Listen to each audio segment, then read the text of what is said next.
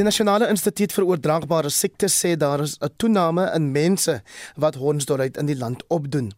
Vir meer inligting oor die kwessie praat ons nou met Dr Jackie Weyer. Sy is die hoofwetenskaplike by die Sentrum vir Ontleikende Zoonotiese en Parasitiese Siektes by die Nasionale Instituut vir Oordraagbare Siektes. Dr Weyer, goeiemôre en baie welkom. Goeiemôre Hendrik, goeiemôre aan die luisteraars. Hoe verduidelik 'n mens in eenvoudige taal wat hondsdolheid is? Hondsdolheid is 'n virale siekte um, wat aan diere oorgedra word na mense. Dit is nou nie rarig juist nuwe nuus nie. Dit is 'n siekte wat al vir baie jare in Suid-Afrika voorkom, maar ongelukkig sien ons dat ehm um, hondsdolheid nou weer sy kop uitsteek in sekere gedeeltes van ons land en ons wil graag die risiko en hoe mens moet optree om die risiko te verminder met met die luisteraars deel. Hoe lyk die getalle op hierdie stadium? Op hierdie stadium met ons uh, tot uh, as 2021 tot en met tot op met vandag het ons 19 bevestigde gevalle. Dit is dan 9 gevalle van die Oos-Kaap, 6 gevalle van KwaZulu-Natal en vier gevalle van Limpopo. En wat ek wil hê julle moet um, in aanmerking neem is wanneer ons 'n geval rapporteer beteken dit dit is 'n fatale geval gewees dit is 'n 100% fatale infeksie Hoe gebeur dit dat die virus dan nou van die dier na mense oorgedra word? Goed, so die, die ontbolheid virus um, kan voorkom in die speeksel van die wat geaffekteer is met die siekte. So enige um, enige uh, uh, gebeurtenis wat dan kan, kan maak dat daai uh, virus wat in die speeksel van die dier is in aanraking met jou liggaam kom, kan dan nou 'n blootstelling wees. So dit sal nou wees buite krappe, ehm um, dit enige wond wat um, dan deur daai diere toegedien word. Wat is die simptome wat 'n mens op 'n basiese vlak sal oplet? Ja, net in 'n neutedop. So dit is 'n 'n virale infeksie van die brein, so dit uh op die einde affekteer basies die hele liggaam en dit moet nou waar die beheerstelsel van ons liggaam sit.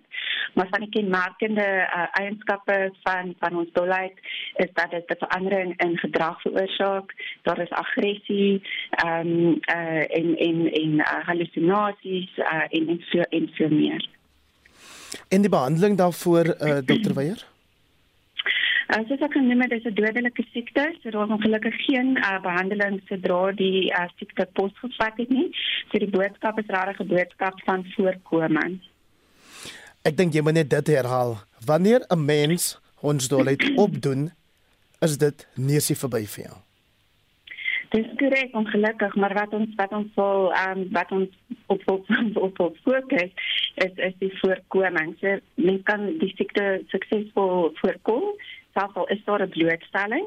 So dit word gedoen deur ons dolheid inenting, 'n reeks van vaksines wat oor 2 weke toegedien word en ook die toediening van ons dolheid teenliggaam teenliggaam in en om die bond waar die virus um, dan nou moontlik uh, teenwoordig is.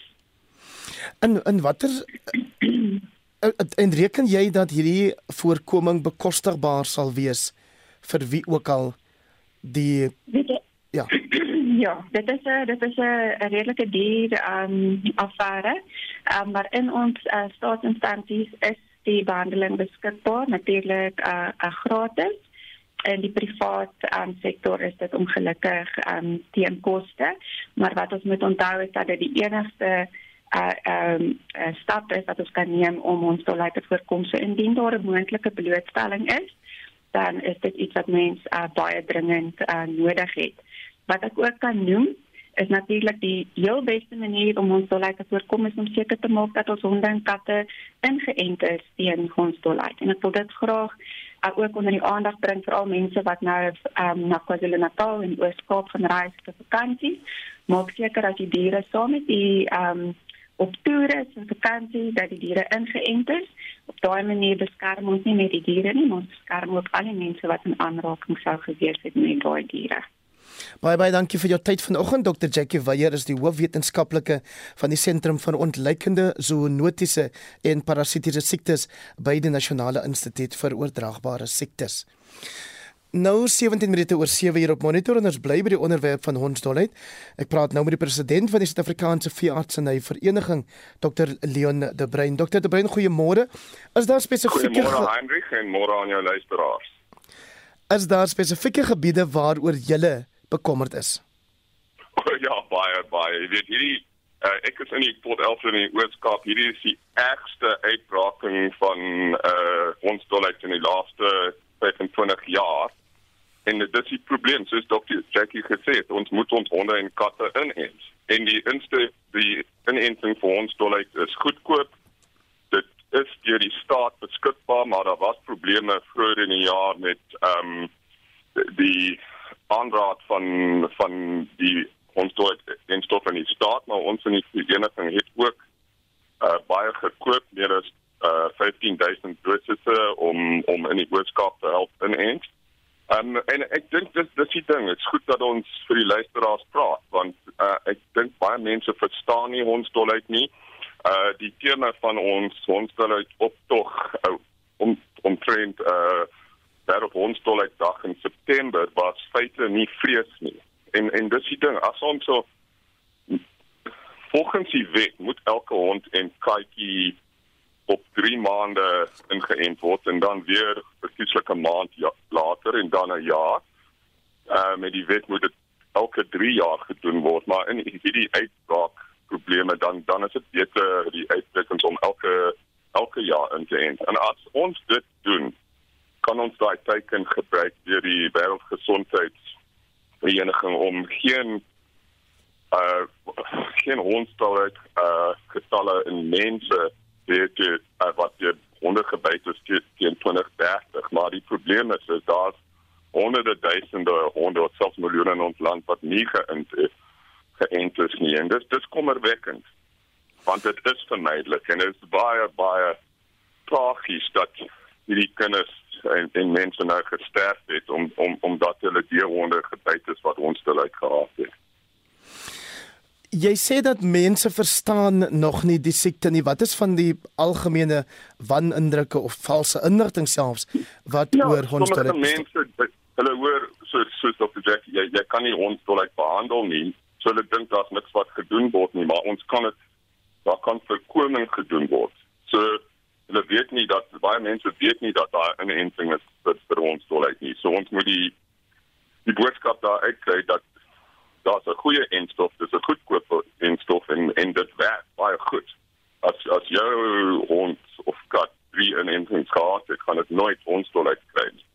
So dit is belangrik en en so en en sommige mense dink dat dat honde en katte met ons dolheid gebore is of iets so dit en ons moet net jy weet daai daai mite uit die pad uit kry en en die regte ding doen en en soos Dr. Jackie gesê het dit dit is belangrik nou en as die mense nou na hierdie Christelike streke gaan waar daar probleme is om om op julle hoede te wees dat jy sien dat jy weet daar uh, verandering van gedrag in in onder op die diere is as jy sien dat daar hond of 'n kat is wat skielik aggressief is wat nie behoort nie dan moet jy versigtig wees en as jy 'n wilde dier soos 'n jakkals of 'n meerkat of 'n meisond of 'n bakwerk jakkals sien wat skielik baie mak is, so wilde die dan moet jy dit ook vermy en en soos ons weet die speeksel die kwel is is is dit is dit belangrike uh, teken simptome. So ja, ons moet net versigtig wees.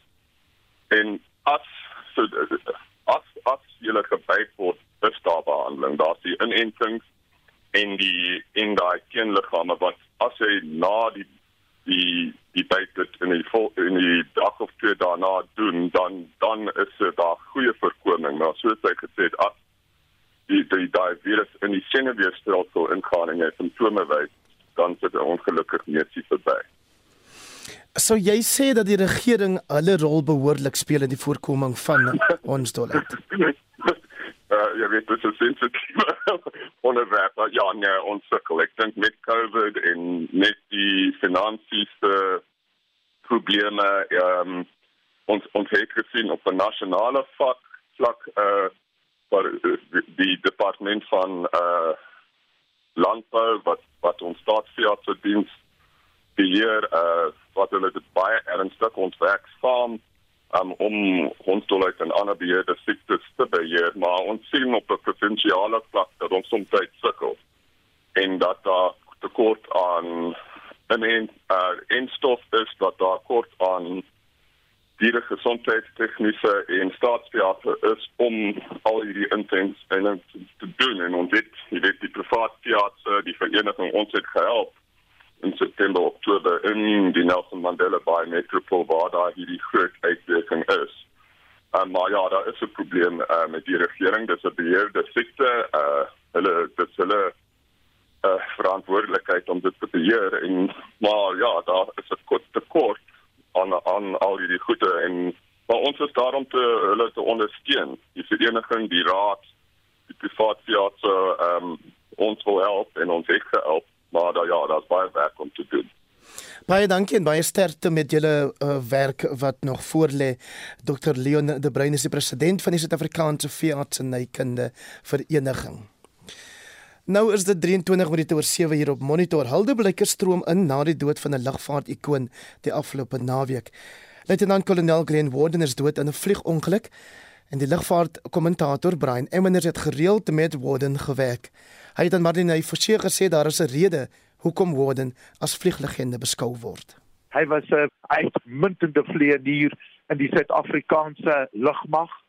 Hy het verkenningsvlugte onderneem, man met die rang van luitenant-kolonel, maar passievol. Tot op nou met sy dood was hy die hoofvlieënier vir British Airways Comair in sy spaartyd was hy die leier van die Goodyear Eagles, dis 'n vierskip vliegspan en hy het baie vliegtye as 'n reservelid van die lugmag by die lugmag museum gevlieg. So as daar vlerke is, dan kon Glenn dit vlieg. Warden het sy vrou Louise destyds verloor in 'n vliegongeluk in Tsanin.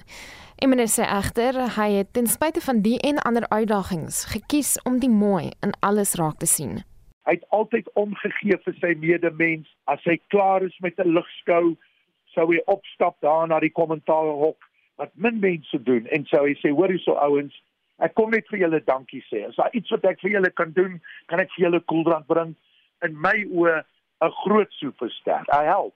Maar ten spyte daarvan het hy doodgewoon gebly. Hy het altyd tyd gemaak met kinders sit en gesels, handtekens uitdeel deesdae neem mense selfies soos hulle dit noem en hy was altyd bereid. So werklik in na hierdie tragiese ongeluk sien jy die Engelse woorde and officer and a gentleman. Volgens Emmenis sal Warden onthou word vir sy passie en professionaliteit. Wanneer jy in sy teenwoordigheid was, was dit altyd net lekker. Jy weet hy kon lekker gesels oor sy dae in die lugmag wanneer hy nou vegters gevlieg het iets wat sou uitstaan waar ek nou met hom gewerk het. Hy moes die klankgrens breek gedurende die Durban lugskou. En om dit te doen moes hy van Durban vanaand, dis nou met 'n Mirage Richards Bay toe vlieg.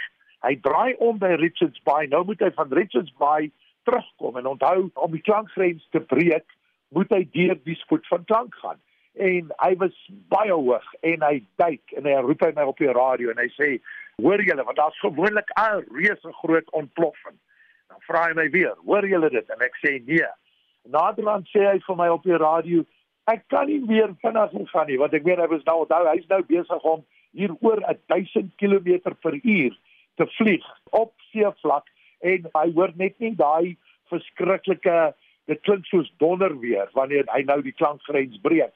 Toe hy nou uiteindelik die klankgrens breek, toe sê hy vir my in 'n private gesprek, ek is nou jammer dat ek dit uh, so lank gevat het om die ding te breek. Ek vra om verskoning. Baie goeie ou en ons het almal lekker gelag. Dit was die lugvaartkommentator Brian Emmons. Marlene Forsie is hy konnies. Nee, ons het vroeër gepraat met twee kenners oor hondsdolheid wat nou in mense ook natuurlik oorgedra kan word vir baie lank. Wat sê die luisteraars daaroor? Marie-Louise skryf hondsdolheid is een van die siektes wat voorkom kan word deur mense se honde in te spuit en dit kan voorkom word as 'n mens vroegtydig na die dokter gaan om die inenting te kry. Dit is so sleg dat mense doodgaan. Dit is 100% voorkombaar. Nicoline skryf ek is in 2017 deur 'n vlermuis gebyt en is aanvanklik deur 'n dokter afgeraai om vir die spuite te gaan omdat dit volgens hom pynlik is en verskeie neeweffekte het. Ek het 'n tweede mening gaan inwin en die dokter het daarop aangedring dat ek myself so gou moontlik moet laat inent. Dit het 4 inspuitings op my arm behels en ek het geen neeweffekte ervaar nie. Dit breek my hart as ek hoor dat mense aan hondsdolheid sterf omdat hulle nie betyds by die spuite kon kom nie. En dan hoop ek spreek ek jou naam reg uit op die SMS lyn skryf Inalies. Goeiemôre. In 2019 is ek deur 'n wilde aap gebyt. Ek moes toe hondstolheid spuite kry. Dink dit was 5 of 7 inspuitings. Ek moes dit self betaal. Medies dek nie. Dit was nogal duur.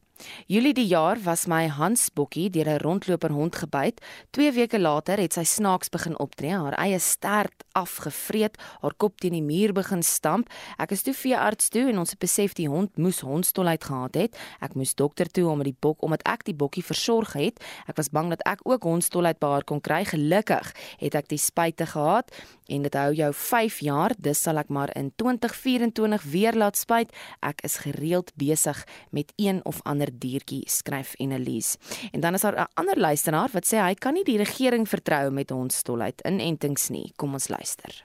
Ek kan deesdae die regering met niks vertrou nie. Ek vertrou ook nie hierdie hondsdolheid se jab nie, want nou gee hulle vir my die ander jab, jy verstaan.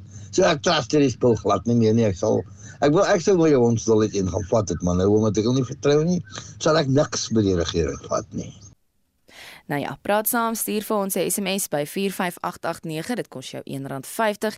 Jy kan ook saampraat op ons Monitor en Spectrum Facebook bladsy en dan kan jy 'n stemnota stuur. Die nommer is 076 536 6961.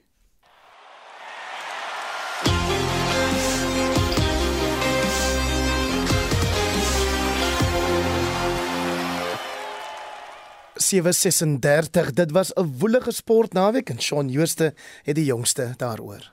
In vanoggend se sport drama by die laaste wedren in Abu Dhabi en daar is nuwe Suid-Afrikaanse netbal en branderplankry kampioene. Die Formule 1 seisoen het gister in Abu Dhabi tot 'n einde geloop. Max Verstappen van Nederland en die Brit Lewis Hamilton het die wedren gelyk op 369 en 'n half punte begin en was ook eerste en tweede op die wegspringrooster. Hamilton was egter die voorloper met nog een ronde oor en met 'n tweede veiligheidsmotor van die baan af het Verstappen hom in die laaste ronde verbygesteek en eerste oor die wenstreep gejaag. Mercedes het teen die renmeesters se hantering van die veiligheidsmotor appeleer en ons wag nou vir die uitslag van daardie appel. Die 24-jarige Verstappen is tydelik die eerste Nederlander om as wêreldkampioen gekroon te word. Cricket Australië het Engeland oor die naweek in die eerste toets van hul reeks om die as met 9 paaltjies afgeronsel. Australië het goed met kolf en bal gevaar en het net 18 lopies in hul tweede beurt nodig gehad om die toets te wen. Travis Head was aangewys as speler van die toets vir sy 152 in Australië se eerste beurt en die draaibouler Nathan Lyon het die 16de speler geword om 400 of meer toetspaaltjies plat te trek. Hy staan op 403. Die tweede toets begin eers komende donderdag in Adelaide en dit is 'n dag-nagtoets wat met die pinkbal gespeel word. Die T20 reeks tussen Pakistan en die Wes-Indiese eilande begin vanmiddag 3 uur in Karachi daar in Pakistan. Die reeks bestaan uit 3 wedstryde. Ons kyk ook na 'n paar sokkeruitslae. In die Engelse Premier League het Crystal Palace gisterand 3-1 met Everton en Leicester City 4-0 met Newcastle United afgereken. Saterdag het Manchester City 1-0 teen Wolves, Liverpool ook 1-0 teen Aston Villa, Chelsea 3-2 teen Leeds United en Manchester United weg 1-0 teen Norwich City gewen. In die DStv Premier League het Kaizer Chiefs Sekhukhune gister met 2-0 geklop en die ander twee wedstryde tussen Maritzburg United en Stellenbosch FC en Royal AM en Golden Arrows kon geen doele oplewer nie. Saterdag het Mamelodi Sundowns vir SuperSport United met 1-0 uitoorlei en Orlando Pirates het TS Galaxy met 2-1 getroof. Rugby. Die tellings in gister se Europese kampioenskapswedstryde was Castres 18, Harlequins 20, Wasps 14, Munster 35, La Rochelle 20, Glasgow Warriors 13, Ospreys 13, Sale Sharks 21 en Connacht 36, Stade Francais 9. Netbal. Die Cape Wineland span is die nuwe SA nasionale netbalkampioene. Hulle het Nelson Mandela Bay Saterdag in die eindstryd met 66-54 geklop. Die Winelands kaptein Nicole Taljaard is aangewys as die toernooi se beste doelskut. En laastens in branderplankrennies, Shane Sykes en Adriel Wolmerans is die nuwe SA kampioene nadat hulle die mans en vroue afdelings met tellings van 15.83 en 9.70 onderskeidelik gewen het. Die kampioenskap het in Belito in KwaZulu-Natal plaasgevind. Shaun Schuster, RSG Sport. Nou politieke nuus. ANC-lede in Noordwes wat ontevrede is met die party se benoemingsproses in die Matlosana plaaslike munisipaliteit in Klerksdorp, sleep nou die party hof toe. Volgens hulle is die aanvanklike lyste gemanipuleer om seker te maak dat diegene wat deur die gemeenskap genomineer is, vervang word met die wat voorgetrek word deur die leierskap. John Marie Verhoef berig die lede het die Hooggeregshof hieroor genader en dat die saak volgende jaar in Februarie aangehoor sal word. Die beweerde ongeruimthede het plaasgevind by 6 wyke. Die groep se woordvoerder, Pakiso Ngikela, sê die huidige leierskap se houding oor die kwessie is een van die redes hoekom hulle die hof nader. We managed to get the court date that will take place around February the 3rd. And we are not going to hesitate because it was a response of the DSG to say, indeed, if somebody is taking the ANC to court on the prima facie cases that we are having, they will go and defend themselves. So we will not surrender up until we find the justice into this particular matter. Die koördineerder van die party se tussentydse provinsiale komitee, Hlomane Chauke, sê die ANC verbind hom daartoe om die kwessie te ontlont. So we are still committed. The timelines are very clear in terms of concluding all of these disputes in terms of the national guide. By February we'll have resolved all of them. Hy het ook verwys na volgende jaar se Hooggeregshofsaak in die verband. For the comrades who have taken these matters to court, we have responded uh, in terms of the internal organizational processes that are taking place. And I think many, many other challenges that are there, the commitment is there to resolve them. And we are looking forward to speedily resolving this matter so that it can bring about stability in the organization, stability in those councils that we have now established. Dis nie die eerste keer dat ontevrede lede van die ANC die hof nader oor ongeruimthede in die nominasieproses nie. Partylede in die Madibeng plaaslike munisipaliteit in Brits het die hof met 'n soortgelyke saak genader en as wenners uit die stryd getree. Die verslag deur Patrick Dintwa en Mike King. Ek is Jean Marie Verhoef vir SAK nuus. Vir wêreldnuus gebeure sluit ST nou by ons aan. Ons begin in die FSA waar minstens 90 mense dood is in verwoestende tornado's wat deur die midweste van die FSA beweeg het. Altesaame 80 van die mense wat dood is, is in die deelstaat Kentucky. ST, goeiemôre. Môre Heinrich, ja, die gebied is deur 30 tornado's getref en reddingsspanne soek nog deur die pyn, maar geen oorlewendes is sedert Saterdag gevind nie. Die goewerneur van Kentucky, Andy Beshear, sê dit was die dodelikste tornado in die geskiedenis van die VSA. Die klein dorpie van Mayfield in Kentucky is die ergste getref en is byna heeltemal platgevee. 'n Kerk wat 100 jaar oud is, is binne sekondes verwoes en die hartklop van die dorp is 'n kersfabriek waar sowat 100 mense aan diens was toe die tornado getref het.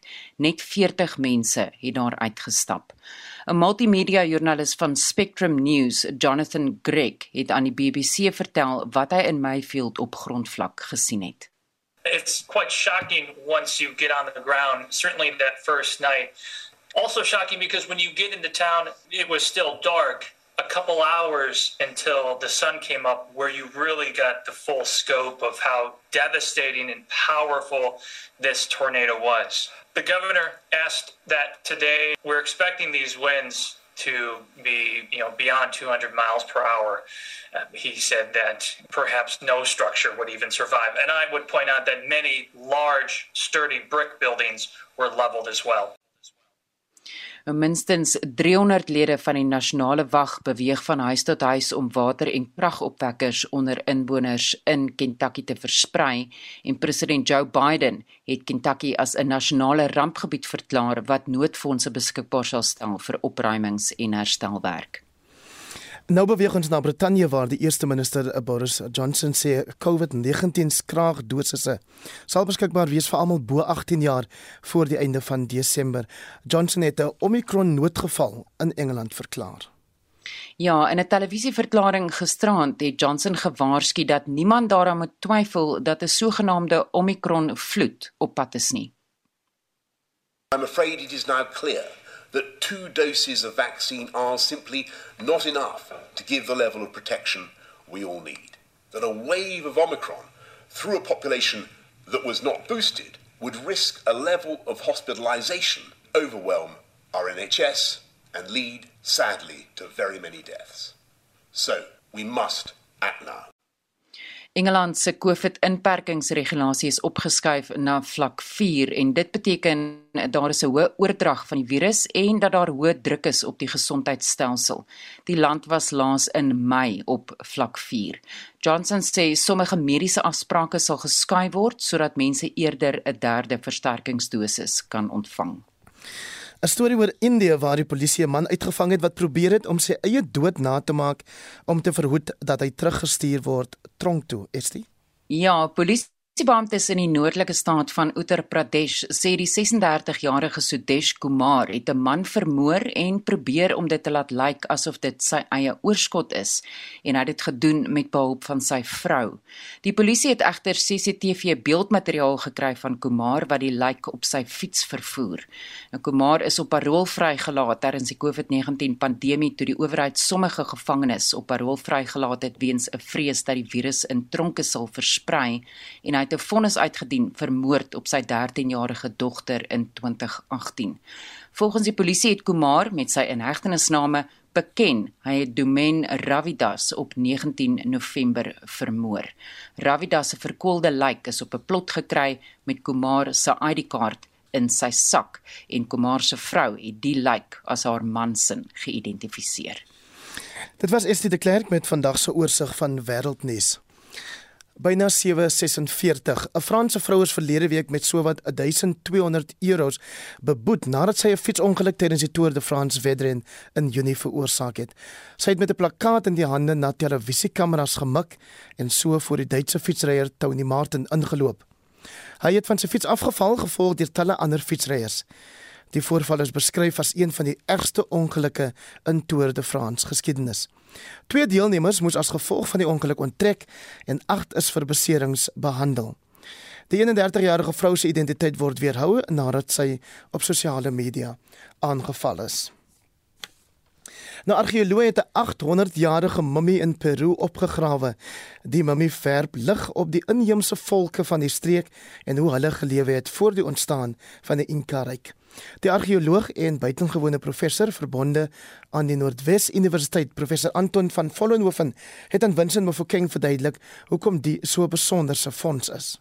Die mummie is so ongeveer 800 jaar oud, so dit beteken dit dateer so uit die tyd 1200 na Christus en dit is gevind aan die kusgebied van Peru onder die dorpsplein van 'n uh, argeologiese terrein 'n baie groot stad wat daar in daai tyd was met die naam Caja Marquila so dis onder die dorpsplein van hierdie ruïnes dan nou eintlik gevind ja kyk ek sê altyd vir die mense ons weet nie eintlik altyd wat in die geskiedenis gebeur het nie en veral natuurlik nie die geskiedenis voordat mense werklik kon skryf nie. So ons het nie rekord oor die goed nie en dit sal dit natuurlik vir ons as argeoloë dan nou moontlik maak om terreine te ontdek en dan verskillende goed op hierdie terreine te ontdek en ek moet sê dat ek sien die argeoloë wat hier gewerk het, vir hulle was hierdie ook 'n verrassing. Want dit is natuurlik nou nie in 'n bestaande begrafplaas nie. Maar dis nie vreemd dat 'n mens aan mekaar nuwe ontdekkings maak nie. Dis maar bloot omdat die argeologie nog net nie in staat was om elke stukkie grond op aarde te bestudeer nie. Navorsers hoop om nou meer te leer oor die inheemse gemeenskappe wat langs Peru se kuslyn gewoon het voor die vestiging van die Inca ryk, sowat 1400 voor Christus. Eintlik weet ons nie so baie van hierdie mense nie. Weereens dat nadat die Spanjaarde Suid-Amerika ingeneem het, en in kontak met die Inkas gekom het en natuurlik die Inkas met al hulle rykdomme en so aan was iets wat altyd die mense gefassineer het en daarom is dit 'n fase in die geskiedenis wat taamlik goed nagevors is maar verder terug in die verlede is nie so goed nagevors nie en dan juis om hierdie rede word hierdie tipe fondse dan van baie groot belang want dit is dan 'n klein bietjie meer inligting wat ons kry oor iets wat ons eintlik niks van geweet het nie. Nou grafte in die algemeen natuurlik help ons om inligting kry oor gebruike van die mense natuurlik spesifiek uh, begrafnisgebruike maar ook die voorwerpe wat 'n mens dan nou saam met so 'n persoon vind help mense om 'n idee te vorm van die kultuur wat se tipe potwerk het hulle gehad miskien wat het hulle geëet en al al die soort van dinge die wapentuig wat hulle dalk kon gehad het indien dit saam met hulle begrawe is Dit is nog onduidelik of die mummie 'n man of 'n vrou was. Die oorskot is aan lap toegedraai, die hande oor die persoon se gesig geplaas en die ledemate is met tou vasgemaak. Dit stem ooreen met die begrafnispraktyke wat destyds gewild was in die bergagtige Andes streek. Ja, dit word nou maar beskou as die begrafnisgebruike van daardie tyd. Die mummie is gevind met die hande voor die kop toegedraai in lappe en dan is die ledemate vasgebind. Nou daar word nie eintlik 'n verklaring hiervan oorgegee nie, maar ek dink dit is eintlik 'n praktiese ding. As ons ook kyk na hoe van die Afrika stamme hier by ons mense begrawe het, mense is in die fetusposisie begrawe. En as ek na die foto's kyk, dan is dit eintlik maar presies wat ons sien. Die probleem is egter om iemand nou in daai posisie te begrawe as die liggaam reeds styf geword het, is baie moeilik. So dit kan dalk bloot 'n praktiese ding wees om dan nou hierdie liggaam met toue vas te bind sodat hy in daardie posisie kan bly. En dis dan natuurlik ook nie nodig om 'n verskriklike groot gat te grawe nie. Die gat kan dan soveel kleiner wees. So aan die een kant kan dit een of ander rituele rede hê, maar dit weet ons nie op hierdie stadium nie, maar dit kan dalk bloot 'n praktiese ding wees. Die ligging van die graf dui daarop dat die mummie 'n belangrike posisie in die dorp bekleed het.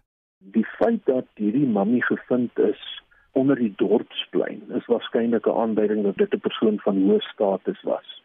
Die afleiding is dat dit 'n handelaar was en mens moet dus daaruit aflei dat handelaars baie hoë status gehad het uh, vir die mense. Dis 'n prominente plek in die dorp. So om daardie rede kan dit dan baie belangrik wees iets wat ons dalk ook moet byvoeg is dat dit eintlik hier in Peru was wat mense vir die eerste keer gemanifiseer is. Dit gaan so ver terug as 7000 jaar gelede, met ander woorde maklik uh, 3-4000 jaar voor die Egiptenare dit gedoen het. En dan die laaste ding is dat die ander rede om 'n persoon spesifiek so in die dorp te begrawe kan nou wees dat dit 'n manier is om tak te hou met die hiernamaals. Dit is belangrik om kontak te hou met die hiernamaals want jy moet seker maak dat as jy eendag doodgaan, jy ook na die regte plek toe sal gaan. So dis 'n manier om omdat hierdie persoon wat jy ken, hierdie persoon wat jy begrawe, dan eintlik op 'n manier dalk vir jou kan voorspraak doen by die hiernamaals byna 752 hier op monitor en dit was professor Anton van Vollenhoven 'n argeoloog verbonde aan die Noordwes Universiteit wat met Vincent Mofokeng gepraat het. Hierdie tyd van die jaar word eh, gewoonlik deur jaareindfunksies gekenmerk, maar dis nie vir almal 'n realiteit nie. 'n Groep vroue in George in die Weskaap het dus besluit om die jaarlikse Kerspartytjie vir huishulpe in die gebied te hervat. Nou die funksie is verlede jaar weens die pandemie afgestel. Marlenae Forsie het meer besonderhede. Die mans en vroue is die ruggraat van verskeie Suid-Afrikaanse huishoudings en selfs te midde van die pandemie het hulle vasgebyt en deurgedruk. Om dankie te sê vir hulle veerkragtigheid is minstens 100 huishoudings se werknemers by 'n plaaslike restaurant bederf met 'n jaareindfunksie. Juanita Meiberg het die geleentheid in 2008 begin saam met haar vriende. Dit het sedertdien beduidend uitgebrei met verskeie werkgewers wat kaartjies gekoop het. We wanted to spoil them a little bit and give back to what they've been doing for us because the ladies that work for us are our helpers. They are second in command, raising our kids, helping us to do what we want to do outside of housework. And that's how it started. A few friends and it evolved.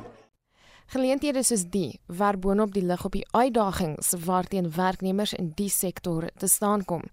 Verskeie vroue wat werkgewers se huishoudings help floreer, soos Kuselwa Jordan, het ook al eie gesinne. Get them ready for school, feed them, get them ready, then come back here to work. So to me it's like a daily routine. I'm used to it. We know that spare parties at a Christmas lunch, I think yes. It it's like we are being loved. We are being respected and The women are all dressed up, they are all happy, they are all excited.